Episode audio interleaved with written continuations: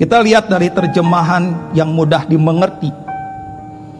Matius 6 ayat 22. Ayat itu berkata, caramu memandang oranglah menunjukkan siapa kamu. Jika kamu memandang orang dan kamu mau menolongnya, kamu akan penuh dengan terang. Hati kita akan terlihat terang atau gelapnya dari mana? Dari caramu memandang orang.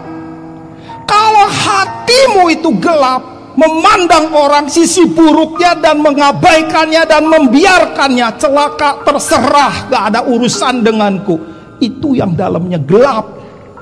Kalau di dalamnya terang melihat orang lain butuh pertolongan nggak perlu dia berkata minta tolong sampai 10 kali langsung melangkah. Kenapa?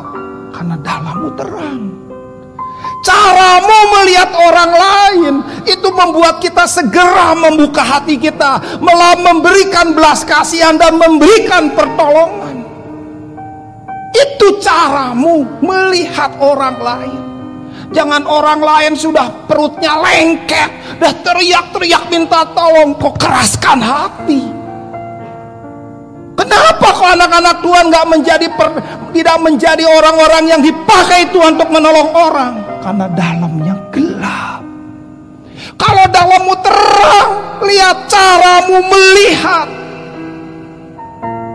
Ayat ini, jika kamu memandang orang dan kamu mau menolongnya, kamu penuh dengan terang.